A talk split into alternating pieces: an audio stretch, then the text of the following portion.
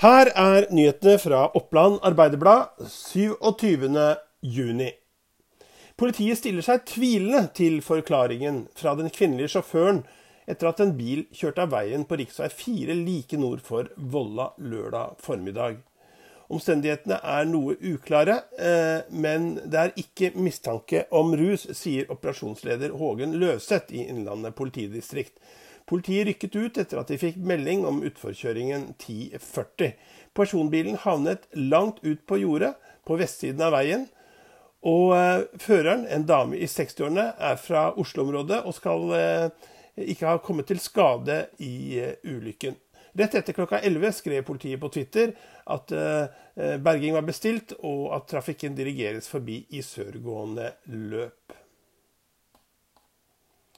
Samfunnsdebattanten og OA-skribenten Sanna Saroma venter sitt fjerde barn. Jeg gleder meg veldig og håper alt går bra, sier hun til GD. Den eh, kjente samfunnsdebattanten har tidligere fortalt åpent at hun har hatt utfordringer med å bli gravid, og at de tre barna hennes kom til verden med hjelp av prøverørsbehandling. Nå er nummer fire på vei. Terminen er i november. Saruma, som har en doktorgrad innen kjønnsforskning, eh, eh, jobber for tiden ved Likestillingssenteret på Hamar. Hun har også deltatt i debatten om eh, bioteknologiloven, og er kjent for sine sterke meninger eh, fra spaltene i GD og i OA.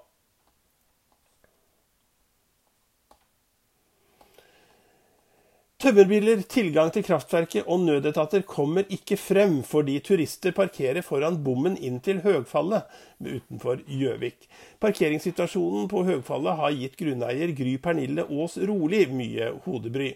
Nå flytter hun bommen helt inntil veien og vil ikke ha parkering. En tipser har henvendt seg til OA om at det var kaos ved nedkjøringen til Høgfallet i eh, forrige helg. Grunnen var at grunneier i år har satt opp en, denne provisoriske bommen. Den private veien er laget for tømmerdrift og Vokskraft, som driver Høgfallet kraftverk. Rolid er frustrert over parkeringssituasjonen. Hun er også frustrert over Visit Innlandet, som har reklamert med stedet som en av attraksjonene i Innlandet. Visit Innlandet har nå fjernet Høgfallet fra sine nettsider og venter på en avklaring om hvordan de skal gjøre det videre med tanke på fisketilgangen i området. Om vi har gjort noe galt, så beklager vi dette, sier turistsjefen Arne Jørgen Skurdal. Trener Ole Morten Iversen tror Ingvild Flugstad Østberg må innstille seg på å tenke noe annerledes denne vinteren. Den norske langrennsprofilen har vært ute med trettighetsbrudd siden slutten av forrige sesong. Foreløpig er en usikker på hvordan skadeavbrekket vil påvirke den kommende sesongen. Det er klart opptreningen har vært annerledes, sier Ingvild. Og hun eh, og eh, landslagstrener Iversen er eh, trygg på at 29-åringen vil være i stand til å gå fort på ski også neste sesong, og skryter av jobben hun gjør, men påpeker at hun kanskje må tenke noe annerledes på sesongforberedelsene. Eh, og når hun skal gå fort på ski. Ordfører Torvild Sveen havnet i en real, real samvittighetsskvis da han skulle stemme over byggeplanene i Røverdalen. Posisjonen den valgte å skrote planen om parkeringshus i tilknytning til studentboligen i Røverdalen i Gjøvik, eh, skrev OA 12.6, men nå, snaut to uker senere, går kommunestyret med knapt flertall inn for å gå videre med prosjektet.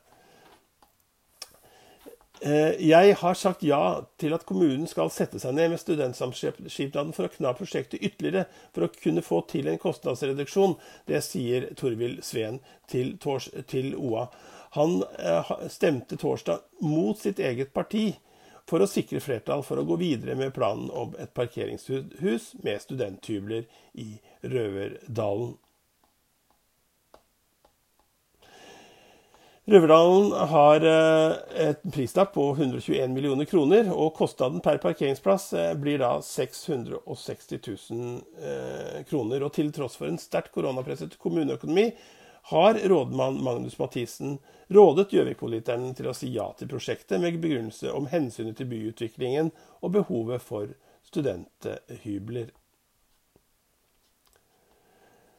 Viggo Slottsveen har vært TV-aksjonens ansikt utad i Oppland i en årrekke. Han synes vi har ikke vondt av å se utover vår egen virkelighet, sier han til GD. Eh, for fredag ble det kjent at også Sør-Fron kommune nå velger å ikke gi kommunalt bidrag til årets TV-aksjon i regi av NRK. Lesja og Ringebu har allerede vedtatt at de boikotter årets TV-aksjon pga. sin motstand mot eh, World Wildlife Fund, som kjemper for rovdyr, mens sauebøndene i kommunene lider tap pga. dem. Men TV-aksjonen handler ikke om rådyr, men om opprydning av plast i havet. Slottsveen synes derfor at det er synd at politikerne ikke klarer å skille snørr og bart. OA er etter det er ikke kjent med at det er noen av kommunene i eh, vårt område, eh, altså i Vest-Oppland, som har eh, sagt nei til å støtte eh, TV-aksjonen med kommunale eh, bidrag. Bøndene kan få inntektsvekst i år. Nye prognoser viser at norske bønder kan få øke inntektene sine med 16,7% i år. Økningen utgjør fem, drøye 59 000 kroner per årsvekst. Nei, unnskyld, årsverk. Det viser prognosen som Budsjettnemnda for jordbruket har kommet eh, frem til.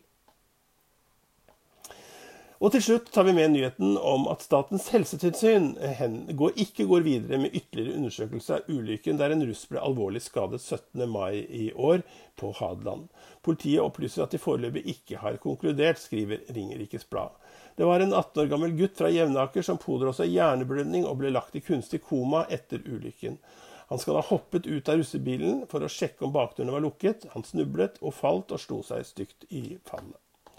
Dette var noen av de nyhetene du finner på Oppland Arbeiderblad i dag lørdag 27.6. Eh, du kan eh, lese mer ved å gå inn på oa.no og følge nyhetsbildet videre, eller laste ned en av våre podkaster som vi eh, har under navnet OA-podden.